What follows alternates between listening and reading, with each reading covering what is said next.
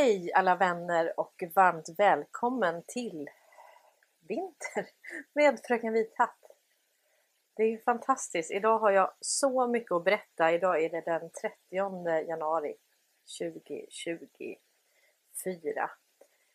Jag har gjort så mycket research och hamnat i den ena eh, ja, i det ena kaninhålet efter det andra. Och eh, det jag har kommit fram till ska jag dela idag. Och ehm, jag har hittat bevis för att Wallenberg kontrollerar BIS, var med och startade BIS. Vi har vetat det hela tiden, men jag har hittat extra bevis. Jag har hittat dokument från 1932 och 1933 som bevisar det. Och sen kan jag bevisa att det de gjorde där i Riksbank eller i BIS, det är någonting som de har sysslat med hela tiden. Så vad de har skapat, det är ett parallellt juridiskt system som gäller ända fram till idag. Så när Robert O'Brien säger det handlar om det svenska rättssystemet så kan man ju undra vilket rättssystem? Menar han det som är för företag, vilket utgör de flesta på jorden? Eller menar han det andra rättssystemet? Så kallade rättssystemet. Men innan vi börjar så är det så här att jag har fått världens intressantaste information och det är att Swish flyttar sin plattform till Riksbanken i nästa vecka. Och det här har gått ut i interna PM till alla banker och det kommer påverka eh, betalningarna. Så bankgirot som ägdes av bankerna, privata banker, kommer inte längre hantera Swish utan det kommer skötas på Riksbankens nya plattform. Men då känns ju den ganska klar då ju. I och med att det migreras över nu. Det händer hörni, det händer! Ja, det här var en artikel som jag hittade från för ett tag sedan då. Eh, den här var från 2021. Då står det Swishat har rusat under pandemin. Till våren migrerar tjänsten till Riksbankens kommande betalinfrastruktur. Men det blev ju inte så. Utan det blev faktiskt inte för nu. Och då är frågan, hur kommer det sig att det drog ut på tiden? Mm, det är väldigt intressant. Och eh, nu väntar vi ju bara på att man kommer flytta över BankID också till Riksbanken och bankkonton. Och för att kunna ha bankkonton på Swish och få med sig de pengar man har från de privata bankerna, de digitala e-kronorna som de privata bankerna har gett ut, så måste systemen kunna kommunicera med varandra. Och det är därför vi har ISO 2022. Det gör att du kan föra över data mellan olika system. Eh, för att hålla jämna steg med utvecklingen är Riksbanken i färd med att ta fram en ny infrastruktur för, en, för så kallade omedelbara betalningar. Tjänsten ska kallas Riksins och lanseras i maj nästa år. Då kommer Swish också att bli den första tjänsten att flytta över till den nya plattformen. Idag använder Swish som ägs av Sveriges sex största banker en infrastruktur som drivs av Bankgirot.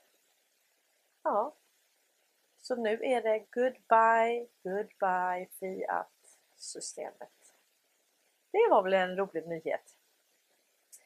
Okej, då ska vi gå över och prata om det vi ska prata om idag. Och det är ju så här att vi vet ju att familjen Wallenberg, de älskar allting som heter BIS, Riksbankernas riksbank, försäkringsbolag, försäkringsbolagens försäkringsbolag, Thule Försäkringar som, hade, som egentligen var ett försäkringsbolag, ett system för alla banker i hela, eller alla försäkringsbolag i hela Europa. Och sen så luskade vi ut för ett tag sedan, kommer ni ihåg det? Det här med eh, handelskammarnas handelskammare. Ja, precis. Och det var där någonstans som eh, det här kom fram då.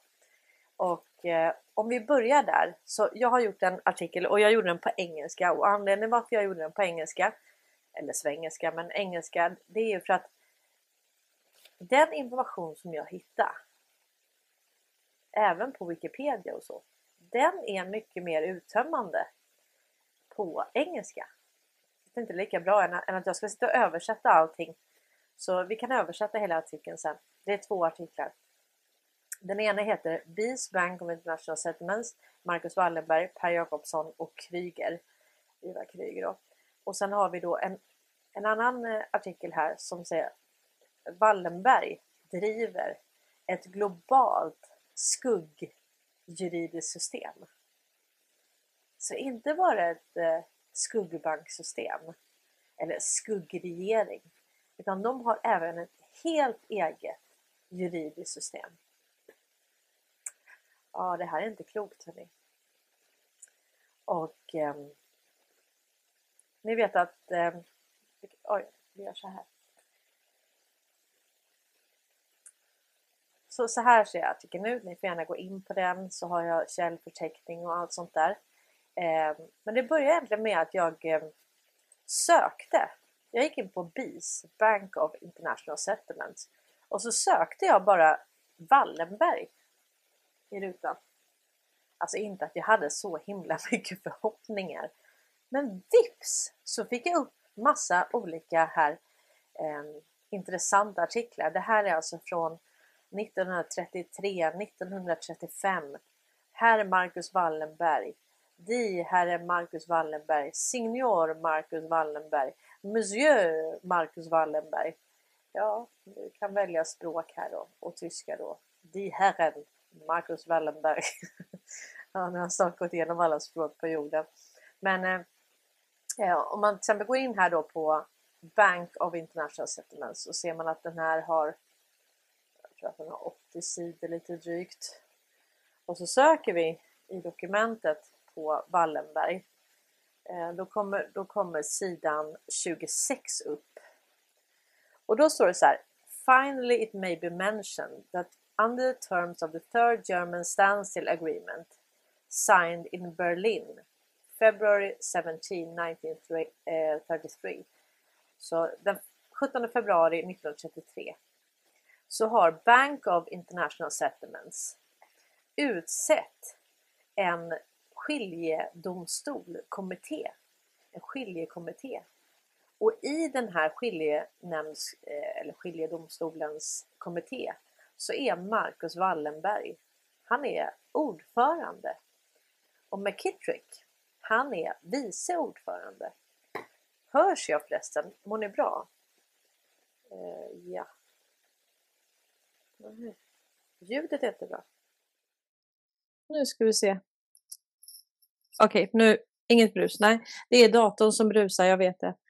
Eh, men det gör ingenting.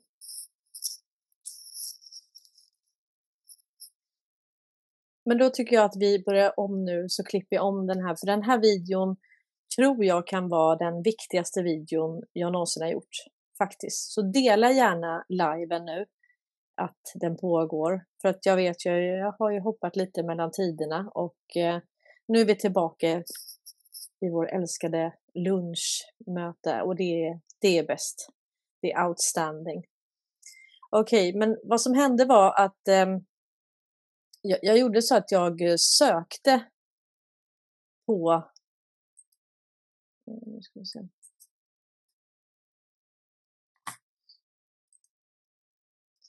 Precis, nu, nu tar vi igen då. Jag ville hitta bevis för att Wallenberg kontrollerar BIS och vad jag kom fram till var att eh, ja, det har man gjort. Och man har gjort det både genom egna platser och man har gjort det genom andra personer som, ska, som jag ska visa här. Som är direkt tillsatta utav Wallenberg. Okej, okay, så att eh, om man går in på BIS och så bara söker man på Wallenberg så får man upp ett, eh, en mängd resultat här. Eh, så att om vi går in här, här är till exempel den andra rapporten. Den är på engelska va? Här. så går vi in på den här rapporten. Det här är då från den 1 april 1931 fram till 31 mars 1932. Och, eh, och så söker vi här på, på Wallenberg. Och då kan vi se att Bank for International Settlements har utsett en skiljekommitté, skiljedomstolskommitté.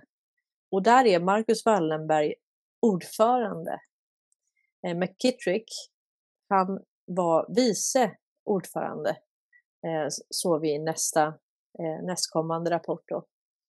Och eh, det här var alltså redan då som man var med. Och det här med att ha en skiljedomstol och skiljenämnd, det har man än idag. Och eh, den ligger i Sverige och den är global. Och man kan säga vad de har skapat för sig själva, det är ett parallellt juridiskt system. Och man kan säga med tanke på att vi vet att det är väldigt, vi består av företag, hela världen är uppbyggt med företag så är frågan vilket rättssystem som är det som Robert O'Brien menar att det handlar om det svenska rättssystemet. För här går de in och agerar privat domstol. Så vi har inte, vi har inte bara ett, en domstol som är um, statlig på något sätt, utan vi har även en privat. Så att det här är det här är minst sagt intressant och det, det finns eh, olika träffar här så att det är bara att gå in och söka. Eh, och jag pratade med Karl Doberg om det här och eh, alltså det, det stod inte så här tydligt innan. De här gamla dokumenten som egentligen beskriver alla de här lånen till Tyskland, guldreserverna, lån till Österrike och så vidare. Det, det, det står i detalj här hur man har byggt upp den här scammen. Då. Och sen eh, hittade jag då på Bank of International Settlements så hittade jag deras historia. Det var, det var rätt lustigt. Jag måste gå in på den här. Um, och um, jag ska se om jag kan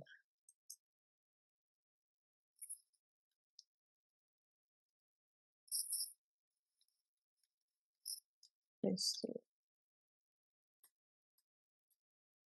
Här, då ska vi se. History Overview. Nu ska vi se.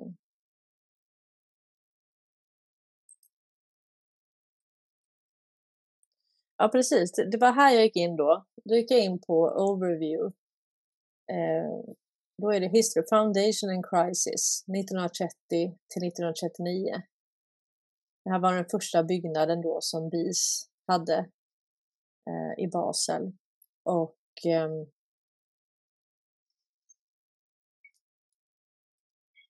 Hej Morris! Hej Morris! Mm.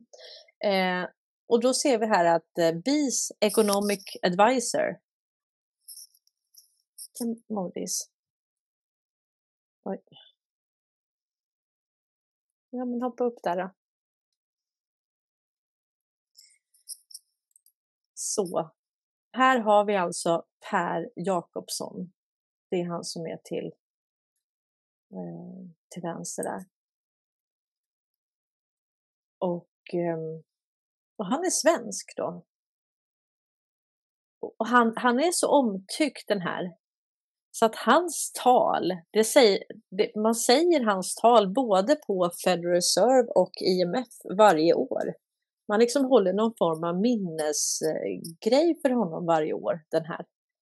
Eh, så om man går in och tittar på hans eh, Wikipedia på engelska då, eh, så står det väldigt intressant då. Han är då född 21 november 56. Nej, han är född 1894 förstås och han är, dog då den 5 maj 1963.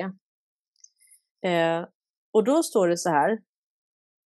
Eh, When Marcus Wallenberg, senior, asked Cassell to re recommend a Swede to the joint secretary of League of the Nations. Det här är alltså FN då, vi är alltså på 1921 nu, så när Marcus Wallenberg senior då frågade Kassell om han kunde rekommendera en svensk till att sitta på sekretariatet på FN då, eller League of Nations som det hette från början, så föreslog han Per Jakobsson.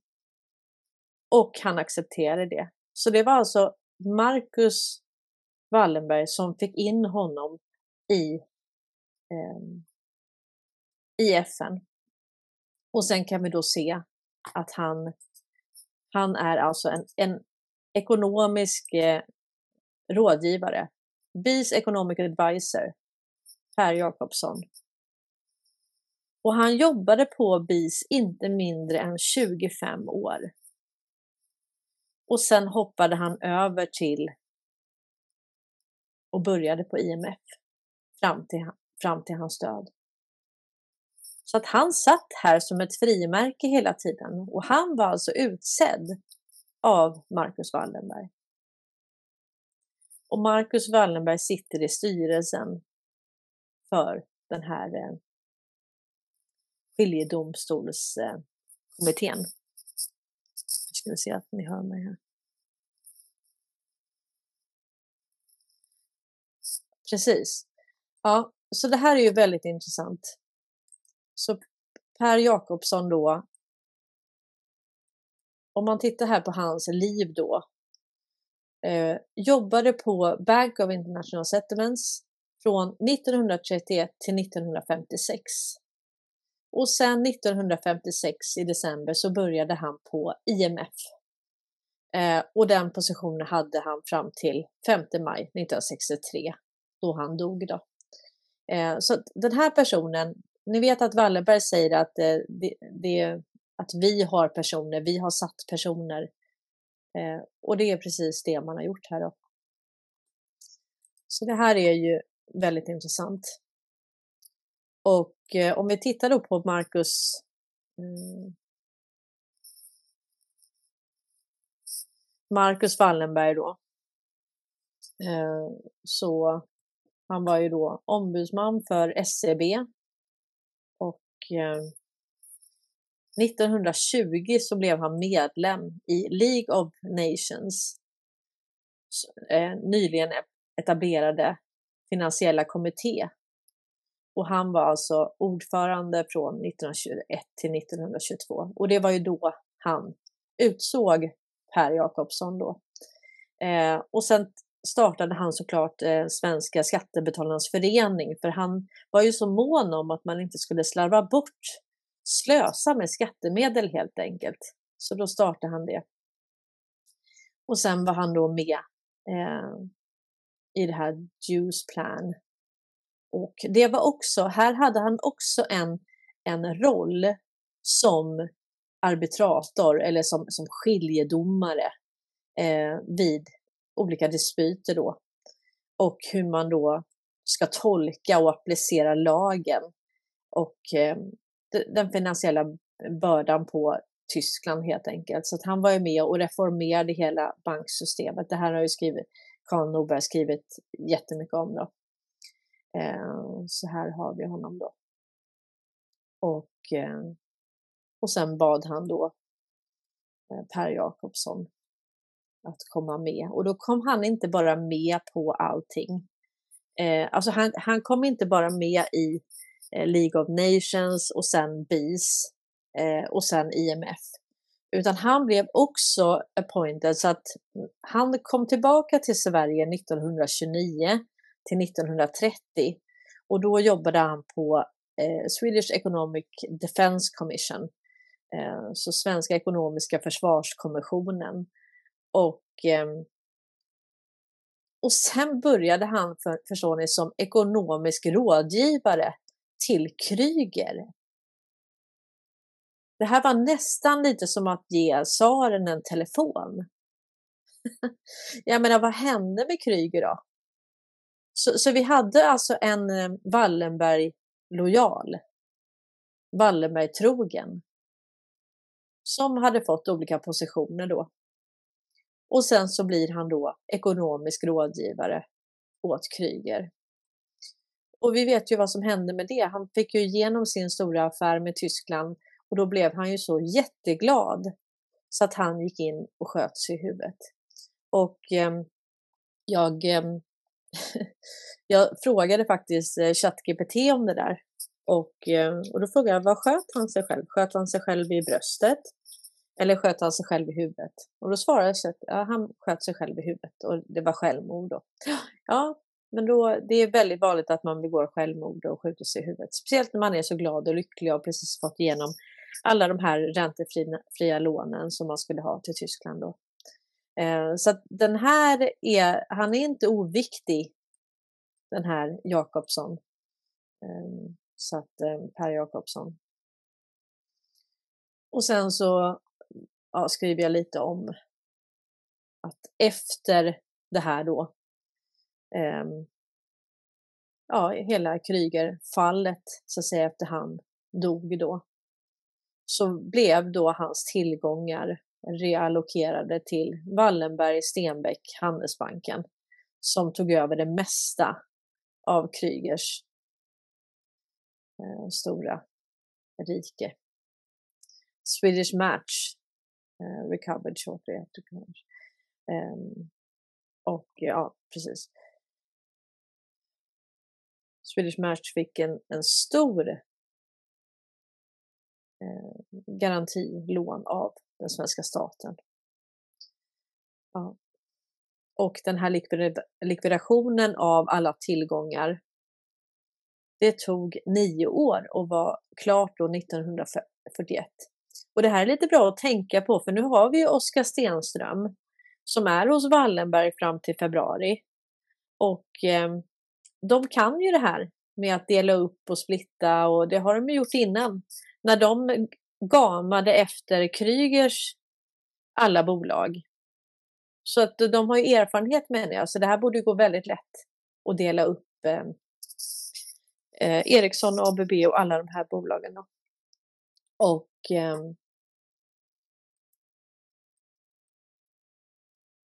här har vi då honom, Per Jakobsson.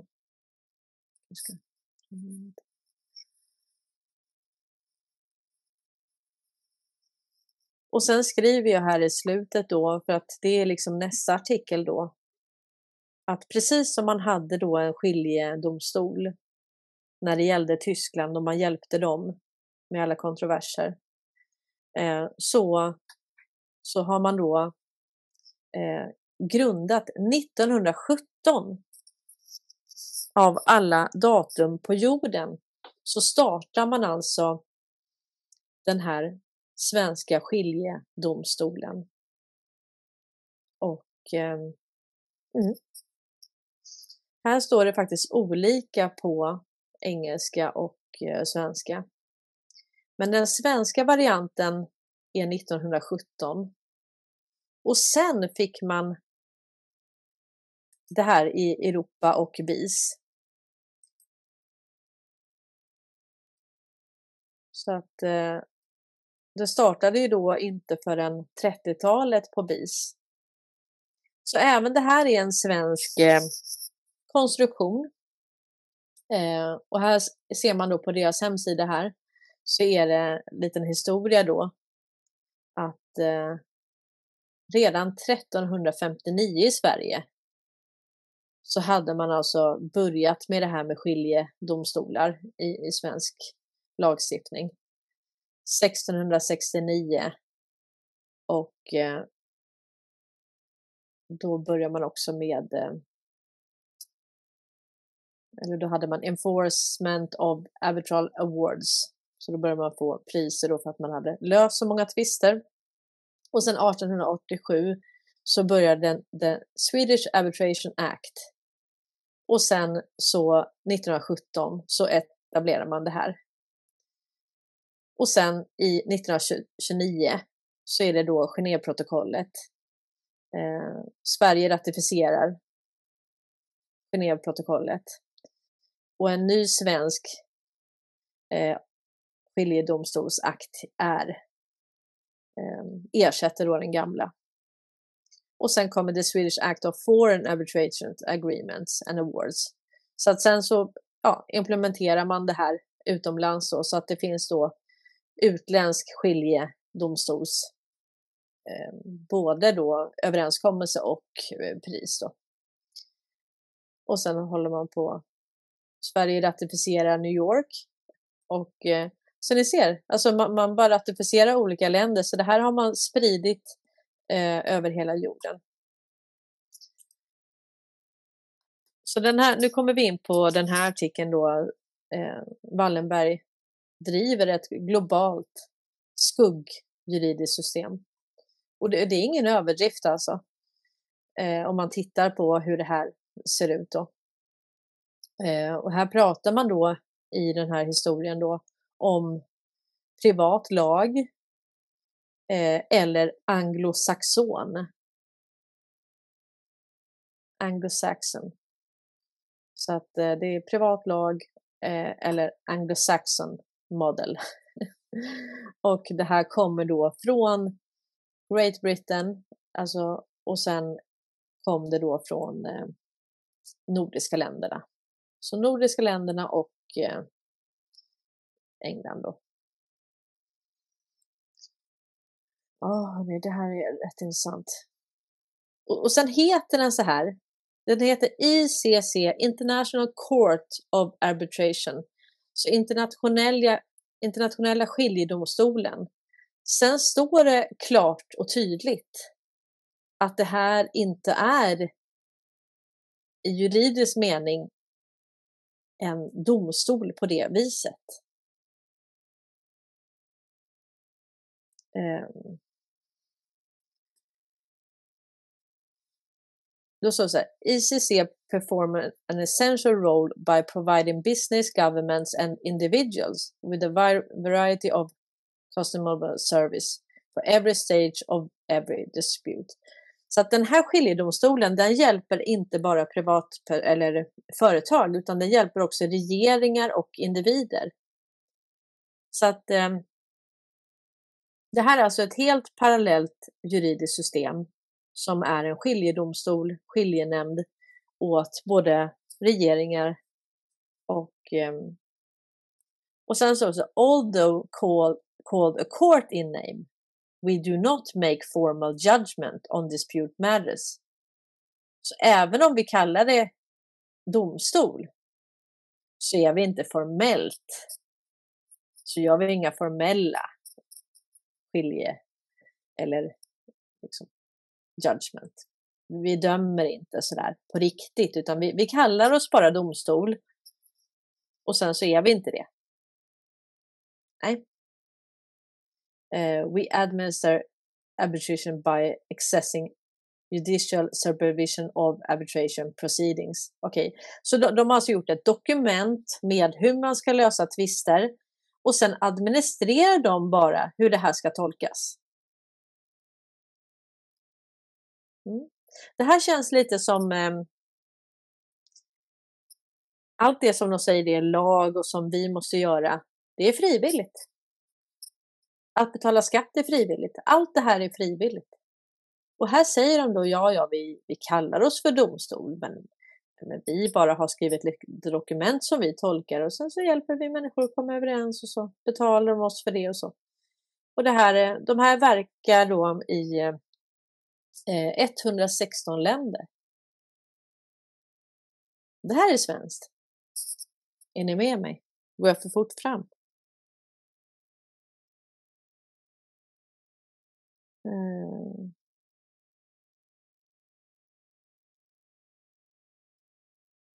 Ja, det är bra. Ni skriver om lite andra saker.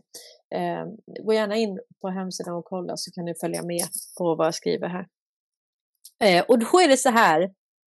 Det här är roligt hörni. Vet ni vad de har? De har alltså en... Eh, ja, ni kommer inte tro att det är sant. ICC. De har en överstyrelse. Alltså inte en styrelse. Det här är, jag översatte det till, eh, vad skrev jag, Supreme. Eh, Supreme Board of Directors. Eh, typ.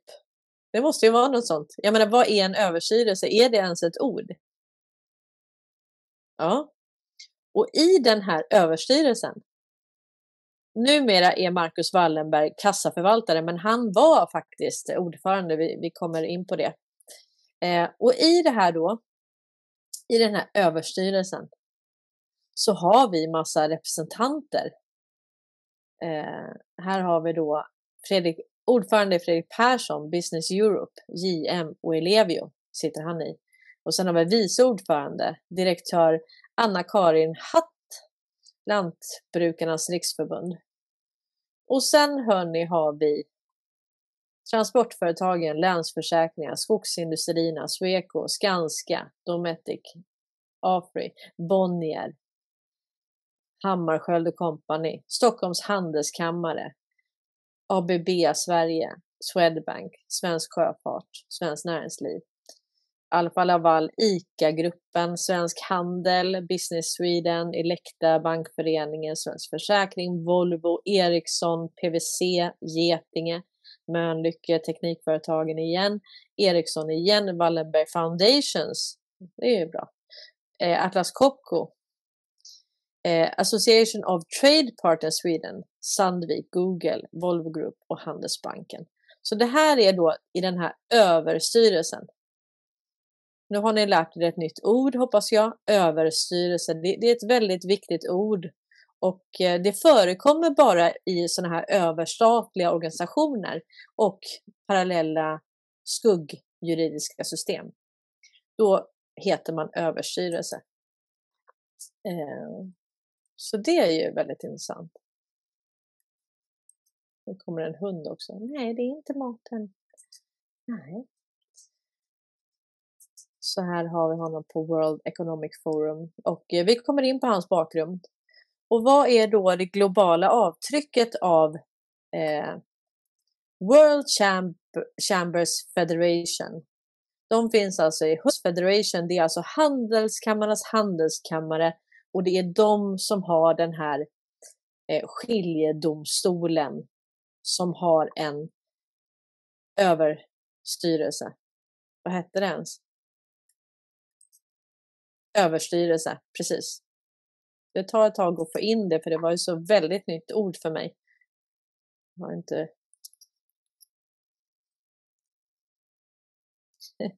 Okej, okay. och då har vi Marcus Hasky Wallenberg. Det är ju väldigt intressant alltså. Han är ju då gift med Fanny Sachs som är syster till Daniel Sachs som sitter på eh, i styrelsen då för George Soros Open Societies Foundation. Ni vet att de måste alltid ha någon, han är från oss, så där säger Wallenberg hela tiden. Så att eh, då sitter ju eh, Marcus, frus bror, han fick sitta i styrelsen hos Open Societies. Så det var ju jättebra. Och eh, han är född 1956 i Stockholm. Han är då medlem i den prominenta Wallenbergfamiljen. Hans fader Mark Wallenberg var en bankir och hans mamma heter Olga Vettje. Och Olga Vettje vet ni är ju syster till Eva Lundin, alltså hon som gifte sig med Adolf Lundin som var den som startade World Economic Forum. Eh, och Lundin Oil då som står just nu under eh, eh, Lundin Oil are currently, currently on trial for crimes against humanity in Sudan. Så att de, eh, Lundin Oil är ju nu anklagade för brott mot mänskligheten och eh, det pågår ju en, eh, en, eh, ett domstolsförfarande då och ska väl göra så i två, två och ett halvt år totalt. Och eh, så här har vi World Economic Forum också.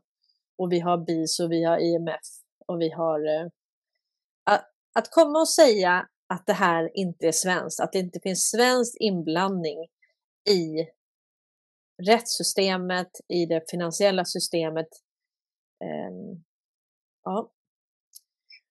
Och då är det då, nu är vi på Marcus Husky Wallenberg. Han började sin karriär på Citibank och sen jobbar han för Deutsche Bank och sen jobbar han för SG Warburg och Company.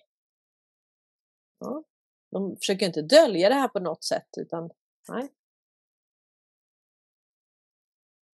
Det var en London-based investment bank, så det var en Londonbaserad eh, investment bank. Och eh, så han var då president, Eh, eller han var vd då för Investor 99 till 2005.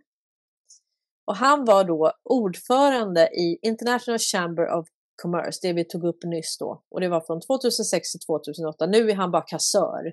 Du vet, det är ingen annan som kan ha hand om pengarna i handelskammarnas handelskammare heller. Det måste de ha själva. Självklart.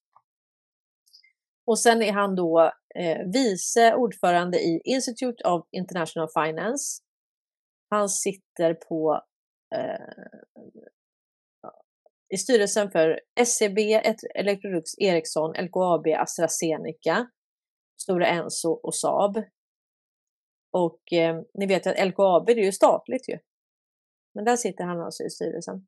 Knut och Alice Wallenberg Foundation. Och sen är han då med i kommittén i Bilderberggruppen. Sen hittade jag något väldigt intressant som jag inte visste om och det är att han sitter i styrelsen på eh, Temasek Holding. Och Temasek Holding och eh, de har eh, en International Panel och där sitter han faktiskt som ordförande. Och det här är alltså ett globalt investmentbolag som är, ägs av eh, Singapore, utav regeringen alltså. Regeringen i Singapore och där sitter han i styrelsen. Ja. Så han sitter i styrelsen. Då. Det är väldigt intressant. Och då sitter han i, då är vi på Sing i Singapore. Sen vet vi att då var jag tvungen att ta upp Jakob Wallenberg. För han vet vi sitter ju i, medbo eller i medborgarens råd, i, i borgmästarens råd i Shanghai. Och han är också i eh, trilaterala kommissionen.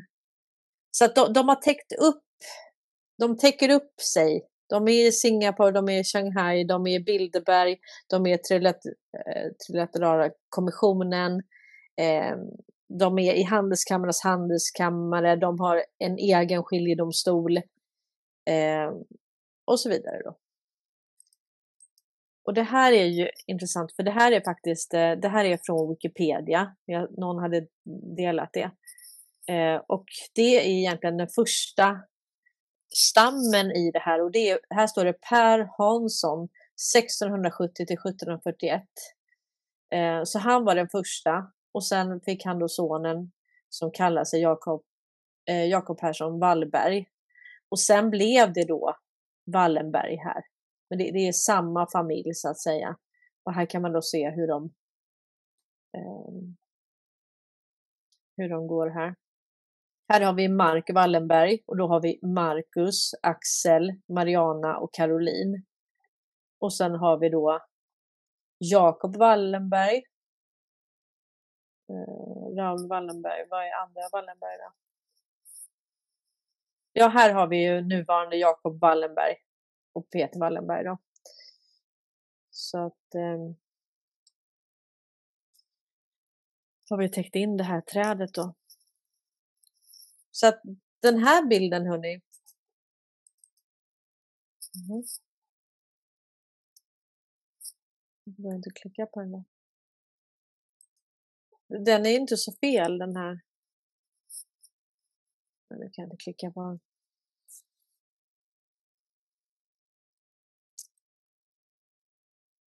Så det här var ett litet gräv då som jag hamnade på och det var ju, det här är ju lustigt vet ni.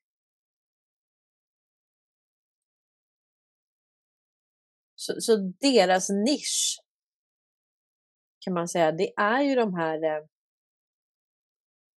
eh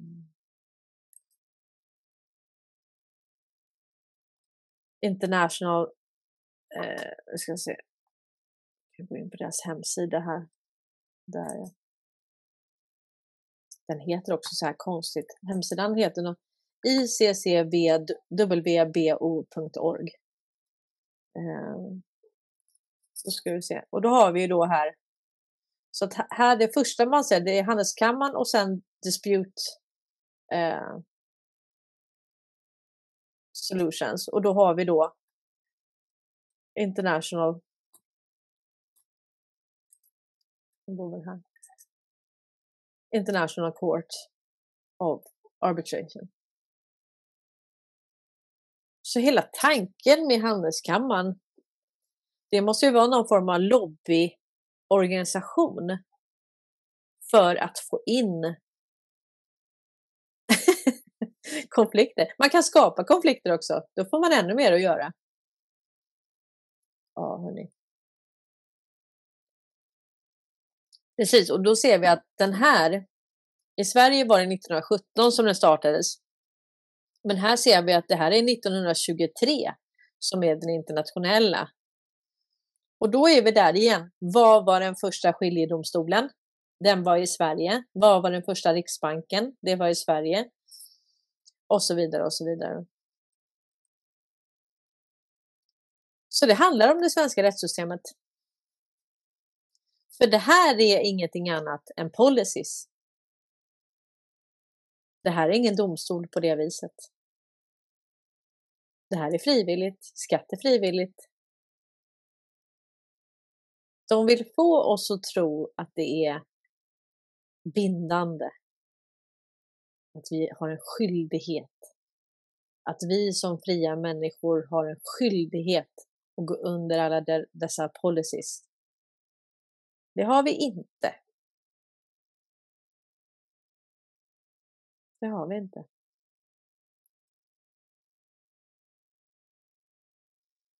Vad säger ni?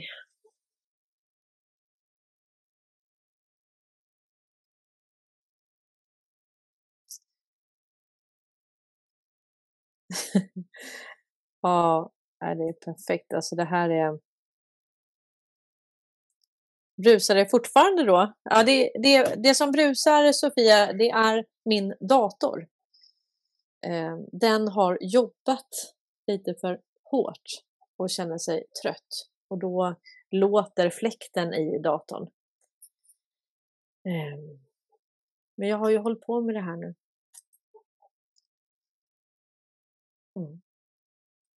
Och här har vi då, om vi går in på det svenska ICC, då har vi ju förutom överstyrelse då, så har man då skiljedom. Tvistlösning i form av skiljeförfarande och medling är alternativet till domstolsförfarande och används för att lösa tvister inom både svenska och internationella näringslivet. Fördelen med alternativa tvistlösningstjänster är dels att processen är kostnadseffektiv, flexibel och att tvistlösningen sker i ett neutralt forum. Eh, nej, inte så neutralt faktiskt. Eh, ICCs skiljedomstol är den världsledande skiljedomstolsinstitutet för lösande av kommersiella tvister genom skiljedom. Domstolen är en administrativ instans som utser skiljemän, granskar förslag till skiljedomar samt fastställer skiljemännens arvoden. Svensk ledamot av ICC-domstolen sedan 2021 är advokat Therese Isaksson, Westerberg och Partners, Patricia Tjongsnässi, eller någonting, Stockholms universitet som alternerande ledamot. Eh, precis, fick de med Stockholms universitet där också. Men det är väl klart. Ja. Det här är smart. Det här är smart. Mm. Mm. Vad hade vi mer här?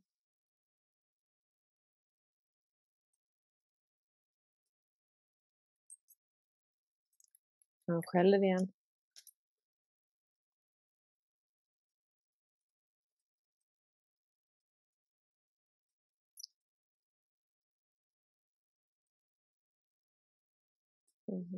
Men just det här med, eh, med BIS alltså. Hela kopplingen där till Marcus Wallenberg, Per Jakobsson, Ivar Kryger, Kryger-kraschen. Sen har du nästa som vi måste dra det till, det är ju IG Farben. Och dra det hela vägen dit då. Men det här är ongoing gräv. Vi hjälps åt att hitta saker och ting. Nu kan man säga att det är liksom utom, det är utom all rimligt tvivel. När man går in på BIS och man tittar på ett dokument från 1932 och man ser att Marcus Wallenberg är ordförande. Ja, då är det ju vad det är ju. Så är det vad det är.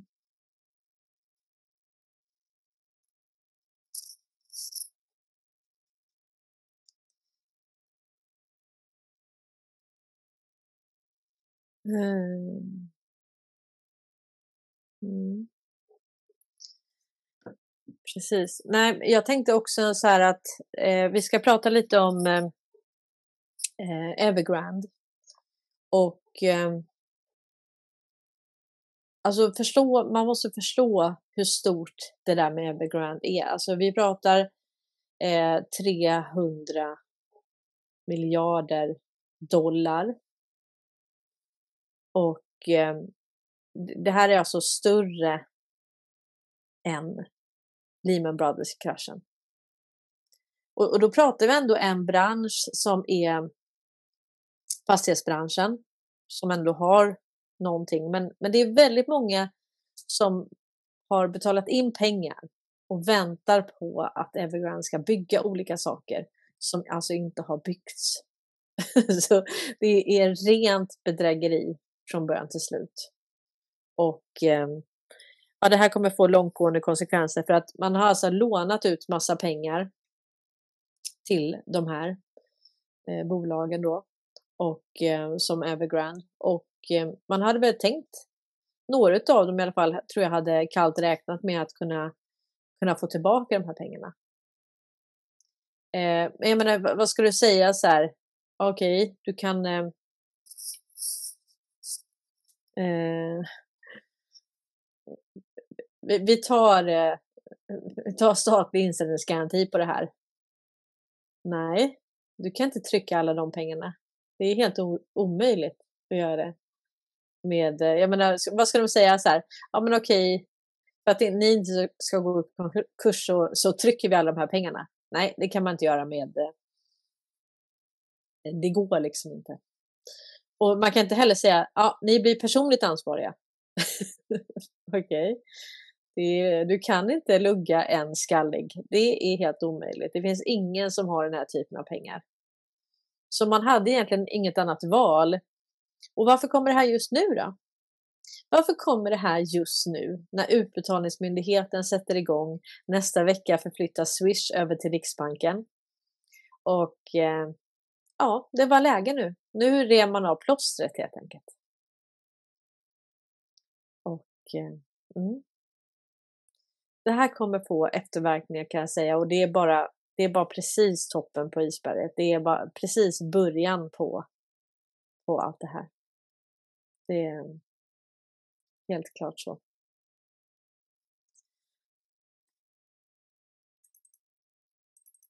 Och nu kommer det faktiskt så här i eh, i tidningen på RT så står det så här att um, skuld kan förstöra den amerikanska ekonomin. Ja. Debt could destroy US economy, JP Morgan Boss säger då. Jamie Dimon calls for the snowballing US debt burden to be addressed and before it turn into crisis. Och um, mm, det är det här med snöbollseffekten, ränta på ränta-effekten, skuldmättnad.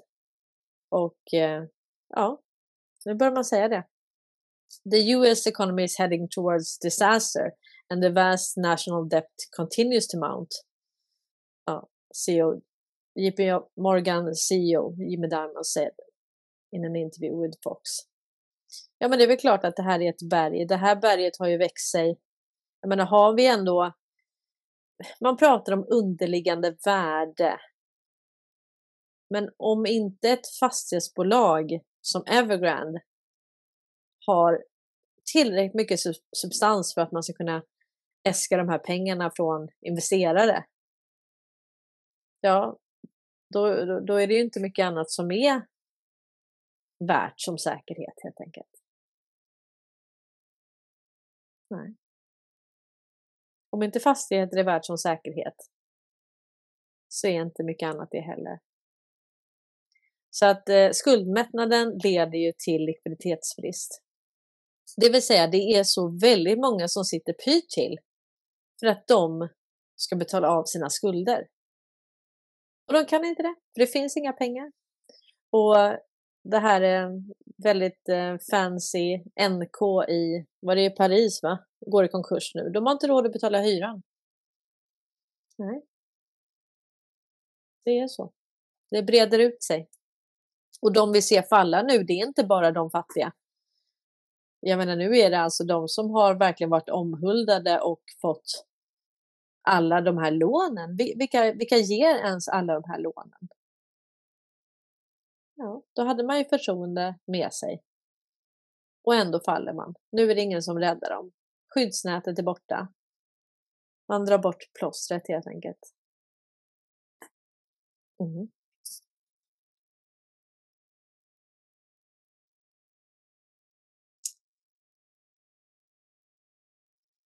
Ja du. Jag vet faktiskt inte om våra pensionspengar men, men det, det är så här att det, det, vi kan inte tänka så här hur ska jag kunna rädda mina pengar? Det, vi, det går inte att rädda pengarna. Det är liksom kört. Alltså, det, det är kört. Det är jättekört. Och det är därför det kommer ett nytt, eh, nytt parallellt finansiellt system som eh, ersätter det gamla. Annars hade det varit helt kört. Och när vi tittade på Ericsson, ni vet att Ericsson har lånat massa pengar av eh, eh EIB, European Investment Bank. De där pengarna kommer ju inte, med tanke på att deras omsättning går ner hela tiden, eh, så kommer de kommer ju inte kunna betala tillbaka de där pengarna. Här har vi en bild att omsättningen sjönk 16,4 procent. Så att, eh, det måste vara att de vet någonting annat, för det är inte så att, att en, en bättre människa hade ju inte lånat ut pengar nu. Utan då, då tror jag att det är eh, uppstyckning som står inför dörren. Det är samma sak hörni, med alla de här lånen som ska betalas tillbaka till Federal Reserve den 10 mars. Ja, men det finns ingen som har de pengarna heller. Alltså det, det är slut. Och skuldmättnad, minns ni, det är ju när mer än 50 procent av nya pengar går till att betala gamla skulder. Och jag menar, eh, om ni tänker på det, kom en tjänst då, det här Lendo, det här du vet, eh, samla alla dina lån. Och där vet vi liksom att där gick ju 100 procent av lånet till att täcka upp för de andra lånen man liksom löste ju för sig lånen men ändå man skapade en ny, man skapade en ny kredit bara för att lösa de andra lånen. Och om man tänker på att helt plötsligt så, det var någon som missuppfattade mig och eh, Strand när vi pratade om det här med Klarna. Eh, och Klarna har ju egentligen, du har ju väldigt många som bara säger nej men jag vill, jag vill köpa mina grejer kontant, jag, jag vill inte ha kreditkort, jag vill inte ha någonting. Nej, och då, då så vill de ha debetkort, de vill inte ha kreditkort och så va. Men de har man lyckats få till nu, för då har man sagt så här, men du, är det inte skönt att du får varorna i handen först och sen att du kan betala? Och sen står man där så här, ja men bara 69 kronor i månaden, jag kan ju lika gärna dela upp det. Så har du liksom kokat grodan långsamt och fått människor från det att det var tabu att ta lån till att alla tar lån och det finns så många varianter så att liksom, är, är Klarna att ta lån? Alltså få varorna först, betala sen. Är det att ta lån? Nej, det är inte riktigt det. Och så gör man sådär va, så man kokar grodan långsamt. Sen tänkte jag på en annan sak med SCB. Ni vet att SCB, de eh, köper köper tillbaka sina egna aktier nu. Eh, A-aktierna och de har ju egentligen A-aktier och sen har de C-aktier. Men C-aktierna det är ju larvigt nästan för att det utgör ju bara 1,1 procent av eh, eh 1,1 procent av eh, det totala aktiekapitalet. Så att egentligen tror jag man har C-aktien med för att eh, öka likviditeten. Men de som sitter på A-aktier, många utav dem gör ju det för att få eh, mer rösträtt. Och då, då, är de ju inte så benägna att sälja. Du tradar ju oftast inte en A-aktie. Visst, man kanske gör det lite då i och med att det inte finns eh, B-aktier i SEB. Men det finns ju då C-aktier. Men det är ju ingenting. Det, det, är ju det är egentligen bara för att, för att du ska kunna få någon form av volatilitet. För att om vi säger att eh, om du inte har någon volatilitet i aktien, det vill säga det är väldigt lite köp och sälj, då vet du det att om du går in och köper den aktien, då kan det vara väldigt svårt att komma ur den positionen. För att kunna sälja så måste det finnas en köpare på andra sidan. Någon måste vilja just nu köpa den aktie som du säljer. Och det är klart att har du en aktie där det står still. Folk vill bara sitta på sina aktier. De köper inte det för att sälja eller trada. Nej, då, då är det väldigt många som inte vill gå in och det, det, är också anledningen varför pensionsfonder och sånt inte går in i mindre aktier. För att man är helt enkelt rädd att få komma ut. Det måste finnas en likviditet och det är därför när man pratar om till exempel forexmarknaden så är ju dollar och euro, euro är ju de som är mest handlade.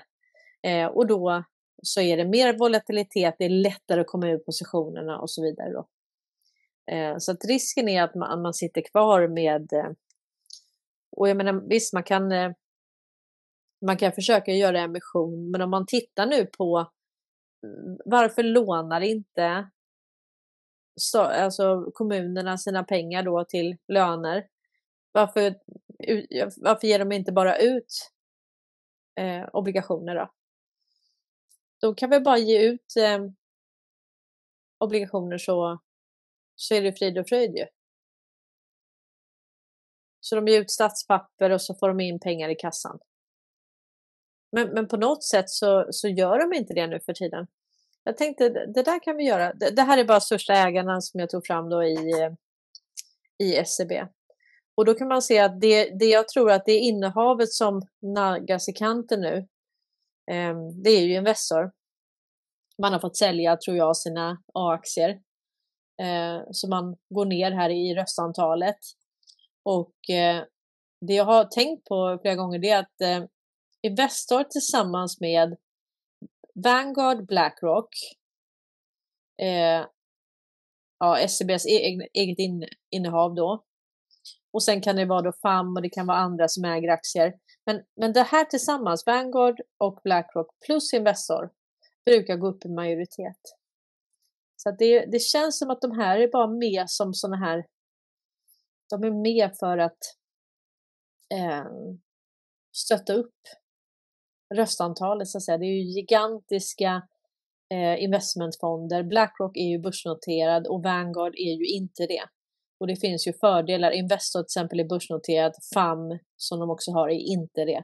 Så de jobbar alltid så här, de vill ha en fot i varje läger och så kan de välja lite vad som blir mest, eh, mest gynnsamt. Då. Så att, ehm, mm.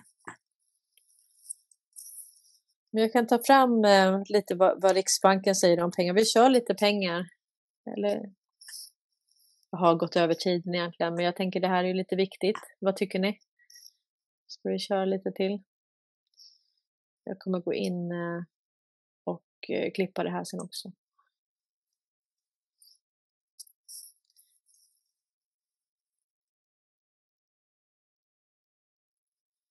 Eh, ska se. Jag har börjat på en liten tråd på Twitter med det som är från den här artikeln, men jag är inte riktigt klar än. Men eh, addera gärna till eh, researchen där. Nu ska jag bara hitta här.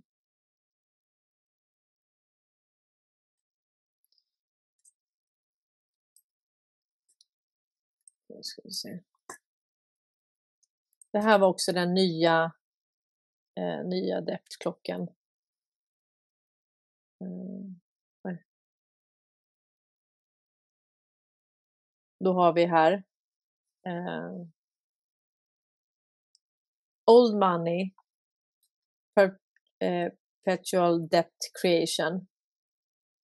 Och här har vi då Currency Deflating 100%, Bond Debt eh, 100%, Wealth Transfer to the 1%. Så här har vi då vår, det vi använder och sen går det då, överförs det till de 1 procenten. Och sen står det interest 3 till 20 procent, alltså ränta 3 till 20 procent. Unfunded, unpayable. Precis, så, att, så att nu har man liksom kommit fram till i det här folkbildningsprojektet att eh, räntan är obetalbar. Det är helt omöjligt helt enkelt att betala av den räntan. Och sen har vi då eh, nya pengar. Eh, US Treasury Certificate.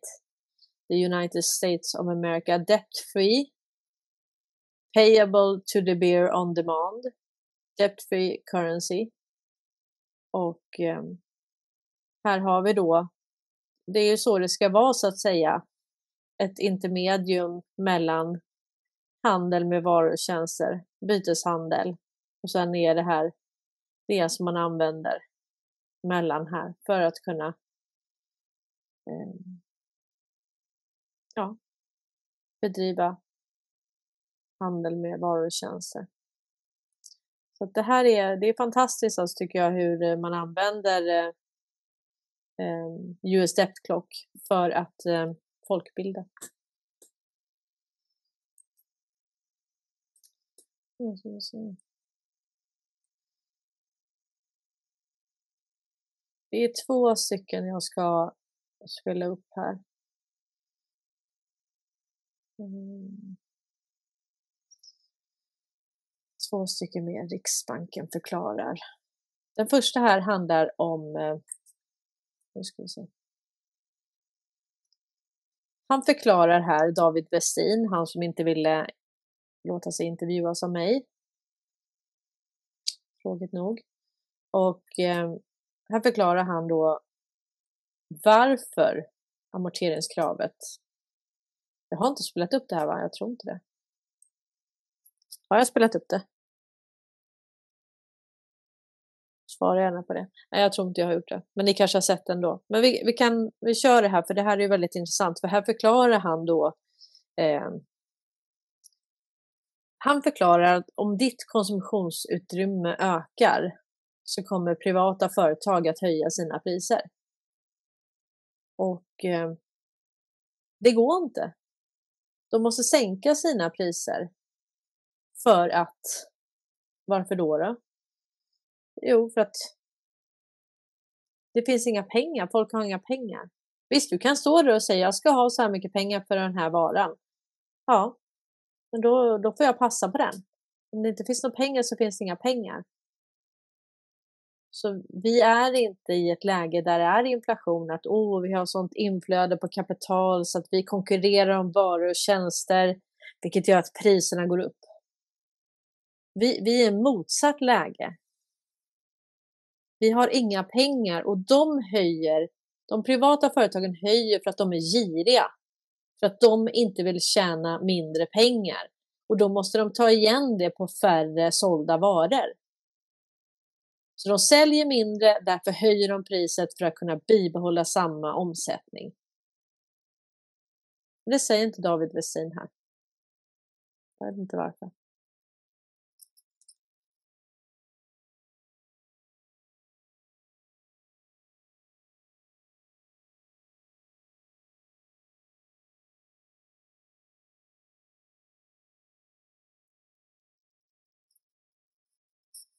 Då ska vi se.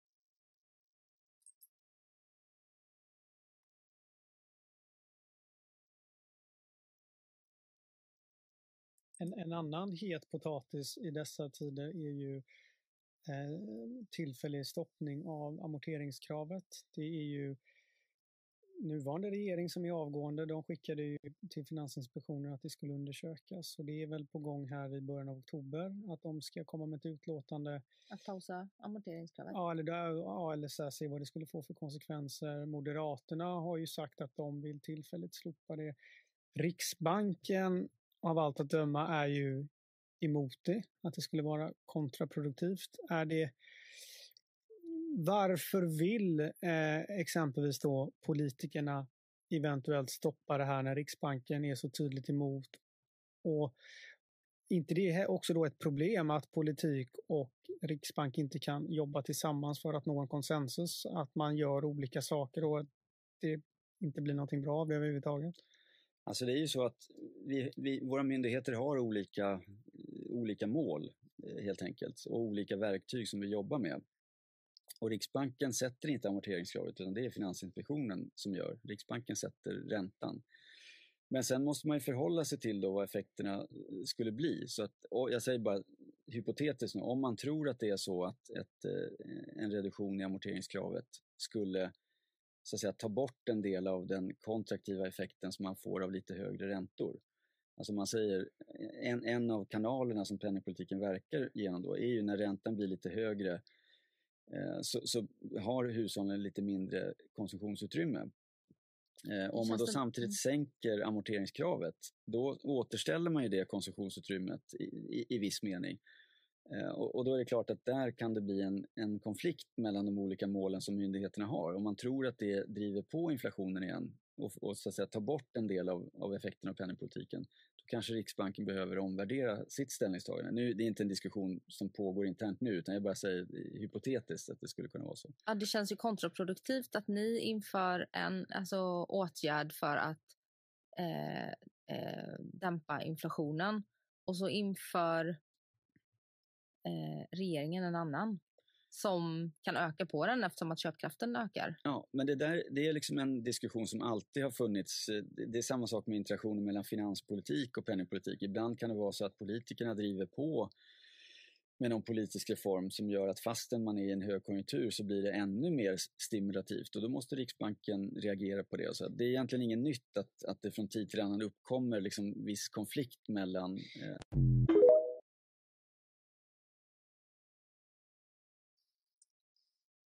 Ja, men precis. Det, det var någon som skrev här nu eh, att eh, fattar inte om vi får mer pengar att röra oss med på grund av slopat amorteringskrav så kan ju priserna höjas. Ja, men nu har vi inget slopat amorteringskrav och vi, vi har ju mindre att röra oss med. Sedan pandemin så har man ju inte kunnat man har inte kunnat svara på den tillväxt. Alltså man har inte kunnat ha den tillväxt på lån som hade krävts för att få ut pengar i realekonomin. Och då har man, får man titta på helikopterpengar eller olika lösningar för det. Och eh, det gjorde man i USA. Man fick en check i USA. Eller man fick det vid två olika tillfällen. Och det gjorde man för att folk inte hade pengar. Så att eh, det vi ser nu det är att kommuner inte har råd att betala ut löner. Allt fler hamnar hos Kronofogden, allt fler företag går i konkurs. Så att det är bevisligen så att vi har inte mer pengar att röra oss med och det är inte därför priserna går upp. Det finns alltså ingen koppling till det i det här läget, utan det är tvärtom. Och om man till och med är ute och säger att man ska försöka reglera hur mycket privata företag höjer priset, då kan man förstå att de också har räknat ut det, att det finns ingen koppling. Så att eh, det, vi, vi, det är inte så att vi har så mycket pengar. Alltså man brukar prata om till exempel eh, eh, om vi säger att du har i Ryssland så har du många som har blivit nyrika. De har mer pengar att röra sig med och så åker de till Turkiet och så vill de köpa fina pälsar. Och då finns det bara ett begränsat antal pälsar och det är väldigt mycket pengar som konkurrerar om samma varor för att det är en sån brist. Då kan priset höjas. Men det vi ser nu, det är precis tvärtom. Folk har mycket mindre att röra sig med i plånboken. Um, nu ska vi se. Sen var det en, en video till. Och här förklarar han varför kronan... Ju... Eh, han förklarar varför kronan är så svag här. Och det, det, här tycker jag var lite intressant. Det var ju, det var ju väldigt konstigt att vi, vi är ett unikum. Då får vi tänka på att på IMF så har vi haft Magdalena Andersson, vi har haft Per Jakobsson som vi gick igenom här.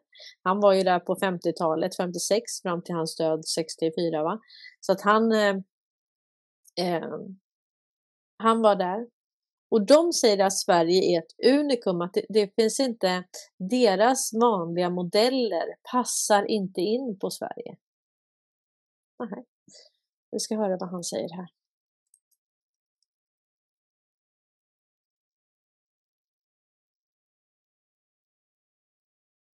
Mm.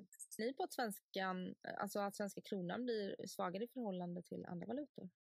Det är ju det finns ju, om man, om man tar liksom växelkursen i stort så mm. finns det ett antal realekonomiska faktorer som borde styra hur växelkurserna skulle röra sig på lite längre sikt. Mm. Och där har svenska, IMF har påpekat det för oss att Sverige är ett litet unikum. De har en analysram där de försöker analysera växelkurser och prognoser och Sverige passar inte in i den ramen. Och det handlar om att vi har haft ett bytesbalansöverskott. Så vi exporterar mer till omvärlden än vad vi importerar. Mm. Eh, och det är ju liksom ett tecken på att växelkursen är lite för, eh, för svag. Mm. Eh, så det är lite för billigt för utlänningar att köpa våra varor jämfört med vad vi köper varor för eh, från, mm. från andra länder. Och då har liksom alla haft prognosen, svenska kronan borde stärkas för att det här bytesbalansöverskottet skulle, skulle försvinna. Men mm. det har inte hänt på jättelång tid. Liksom. Och så går man till lite kortare faktorer, då handlar det om mycket om räntedifferenser mellan olika länder. Så att man tänker lite arbitrage, att man kan tjäna pengar genom att låna i någon valuta och placera i en annan. Då kan man liksom räkna ut att det måste finnas en relation mellan vad man tror växelkursen kommer att göra och vad längre räntor är idag. Och då kan man se den här effekten i marknaden då att USA har gått mycket snabbare fram med räntehöjningar än vad Sverige har gjort. Och det har mm. gjort att amerikanska räntor har stigit ganska kraftigt. Och det leder till, ett, kan man tänka det som ungefär att det leder till ett inflöde av kapital som vill åt de här höga räntorna och då tenderar svenska Jag tänkte jag bara skulle förklara där, för att, för att han pratar om att man vill åt de högre räntorna, ni hörde det. Han pratar om räntan på till exempel statspapper. Att om vi säger att du ska locka investerare, då förstod de att okej, okay, om du ska vilja handla i amerikanska statspapper, då måste vi höja räntan.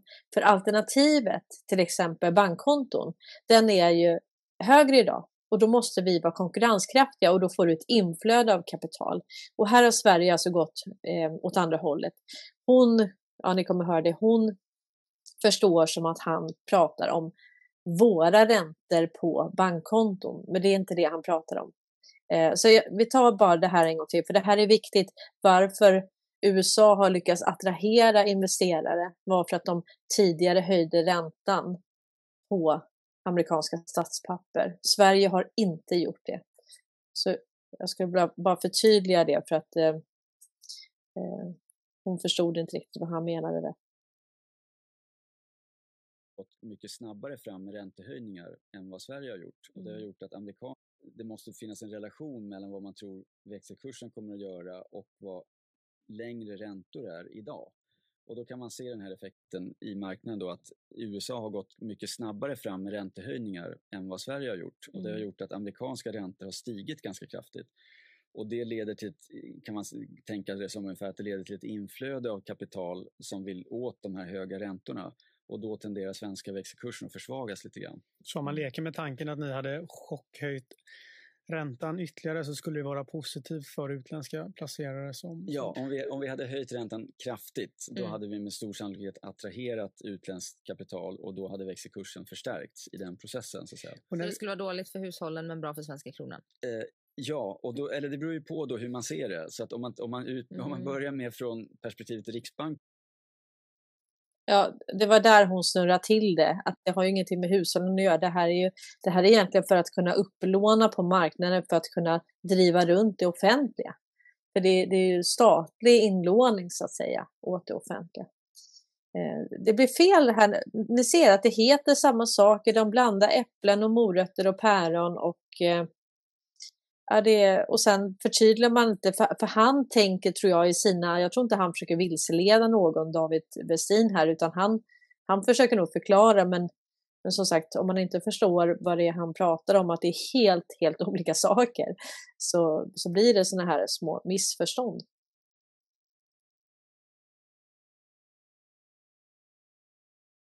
eller det beror ju på då hur man ser det. Så att om man, om man, ut, mm. om man mm. börjar med från perspektivet Riksbanken så skulle man säga att vi har ju ett inflationsmål. En del av inflationen är ju så att säga importerad. Liksom. Det kommer från priser som, som eh, eh, andra länder sätter på våra importerade varor. Mm. Om växelkursen blir svagare då tenderar de priserna att bli högre. Så för oss är det dåligt i det här läget att växelkursen blir svag därför mm. att det tenderar att ge en ännu högre inflation mm. i Sverige så att säga, som kommer från den här utländska eh, komponenten. Det blir dyrare för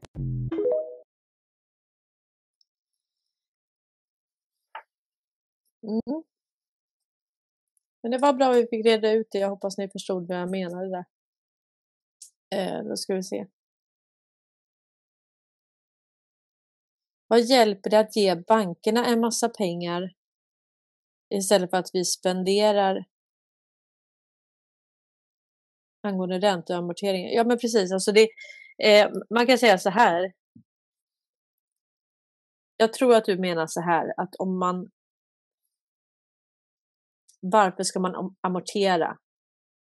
Jag menar problemet med om man amorterar, det är ju att vi får ännu mindre pengar i omlopp.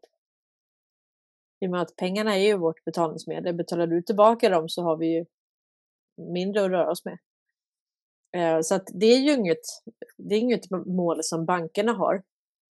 Eh, vi kanske har det målet Eh, för att vi inte ska behöva betala ränta på det. Men det beror lite på vad alternativet är. Som innan har det varit så att då har ju alternativ, alltså om du har placerat de pengarna som du har lånat istället. Eh, så istället för att amortera så har jag placerat de pengarna. Ja, då har jag ju lätt kunnat få samma avkastning som, ränt, som jag har betalat i ränta. Då har det ju lönat sig. Alltså det här är ju under förutsättning att du har pengarna så att säga.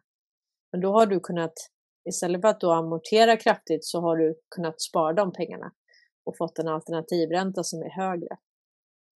Ehm, och det var ju det jag menar med eh, att man då vill komma åt det här med att inte kunna eh, låna för att placera, det som vi tog upp häromdagen när det var den här presskonferensen.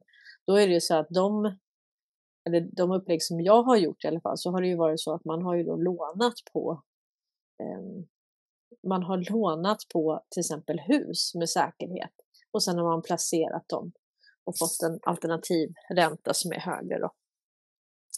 Eh, så, så det var bra tänkt där. Det är så.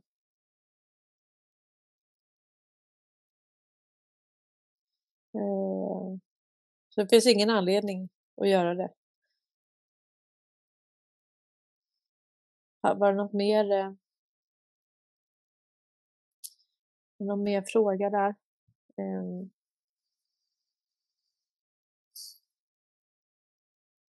Ja, man kan säga, ja det var någon fråga om USA där. Vad var det? Det var Anna. Fråga, om, vad säger du om att konvertera kontanter till QFS-valuta, XLM, XRP i ett nytt finansiellt system? Gäller det USA eller inte alls? Eh, alltså QFS, det här nya systemet, man, man, kan säga man har ju kapat toppen här i och med att man tog kontroll över Ericsson eh, i november 2019 så är det ju så att BIS går ju på Ericssons telekominfrastruktur. Så att man kan säga att man har ju kapat toppen så att det är ju det nya systemet som, som man säger. Så att, så att vi pratar om att det ska splittas upp och det är precis det man gör med BIS. Visst, de kan få råda systemet, men alltså det, det, kommer inte vara privata intressen som kommer få kontrollera det här systemet, utan varje land kommer sköta sig själv och sen kommer det bli helt decentraliserat. Så att eh, ja, så ser det ut så att säga. Och sen om man ska köpa XRP, jag har inte köpt någonting sånt där. Alltså, eh, nu har jag inte, alltså jag har inte så mycket pengar att röra mig med och jag vet inte vad jag skulle gjort om jag hade det. Men, men det är så här, liksom rädda sina pengar i elfte timmen nu. Det, det är liksom, se till liksom att ha lite saker hemma tänker jag. Men, men jag får inte ge finansiella råd, och, och, men jag kan bara säga vad jag själv har gjort och jag har, jag har inte gjort någonting. Däremot så har jag liksom, eh, nej inte ens på PPM och sånt. Jag menar, vad är anledningen? Vad ska du lägga det? Ska du lägga det i obligationer då? Det är liksom, nej, alltså, nej jag vet inte. Och jag menar PPM, jag pratade med henne om det. Alltså, det, det är egentligen bara en fiktiv summa de där pengarna finns ju inte.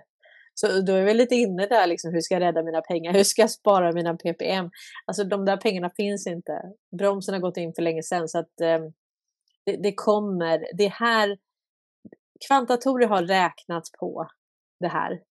De vet vad du har, de vet vad du är bestulen på och det är bara lita på den processen. Jag, jag skulle inte liksom bara eh, positionera mig på det viset, liksom att bara, åh nu ska jag utan eh, jag menar, tänk dig, tänk dig vad många som inte har den här informationen och inte kan positionera sig. Det är klart att de har tänkt på det. De har väl inte bara tänkt på att några som är om sig och kring sig och har rätt information kan göra liksom jättebra drag och inte alla andra. Ja, men så, så tänker jag i alla fall. Så jag, jag liksom fokuserar inte på, på det överhuvudtaget. Ja, stort tack hörni. Vi ses igen imorgon klockan 12. Och eh, fortsätt gärna på grävet. Jättespännande. Men nu är det liksom svart på vitt. BIS kontrolleras av Wallenberg. De har haft sitt folk där. Och eh, mm, gräva lite mer i deras kopplingar. Eh, de andra Wallenbergarna jag menar, tänk att de sitter nu, en sitter i Shanghai och en sitter i eh, borgmästarens råd ja, i Shanghai och sen en sitter i, eh, eh vad var det nu, Singapore. Det är liksom i en statligt ägt, statligt ägt eh, investmentbolag. Ja, det, det är spännande hörni. Det är verkligen spännande. Tack till alla som, er som stöttar den här kanalen också. Det betyder jättemycket jag jobbar ju en dag i veckan för att verkligen gräva på det här och min dag igår körde jag ingen live, jag har varit lite sjuk. Och då ser man, det är då man kan få den här tiden att göra de här djupare gräven som är eh, väldigt värdefulla och som verkligen tar oss framåt. Att nu är det så här, det är utom allt rimligt tvivel. Eh, och länkarna ligger i artiklarna. Ha det riktigt gott nu allihopa. Så hörs vi igen och ses imorgon klockan 12.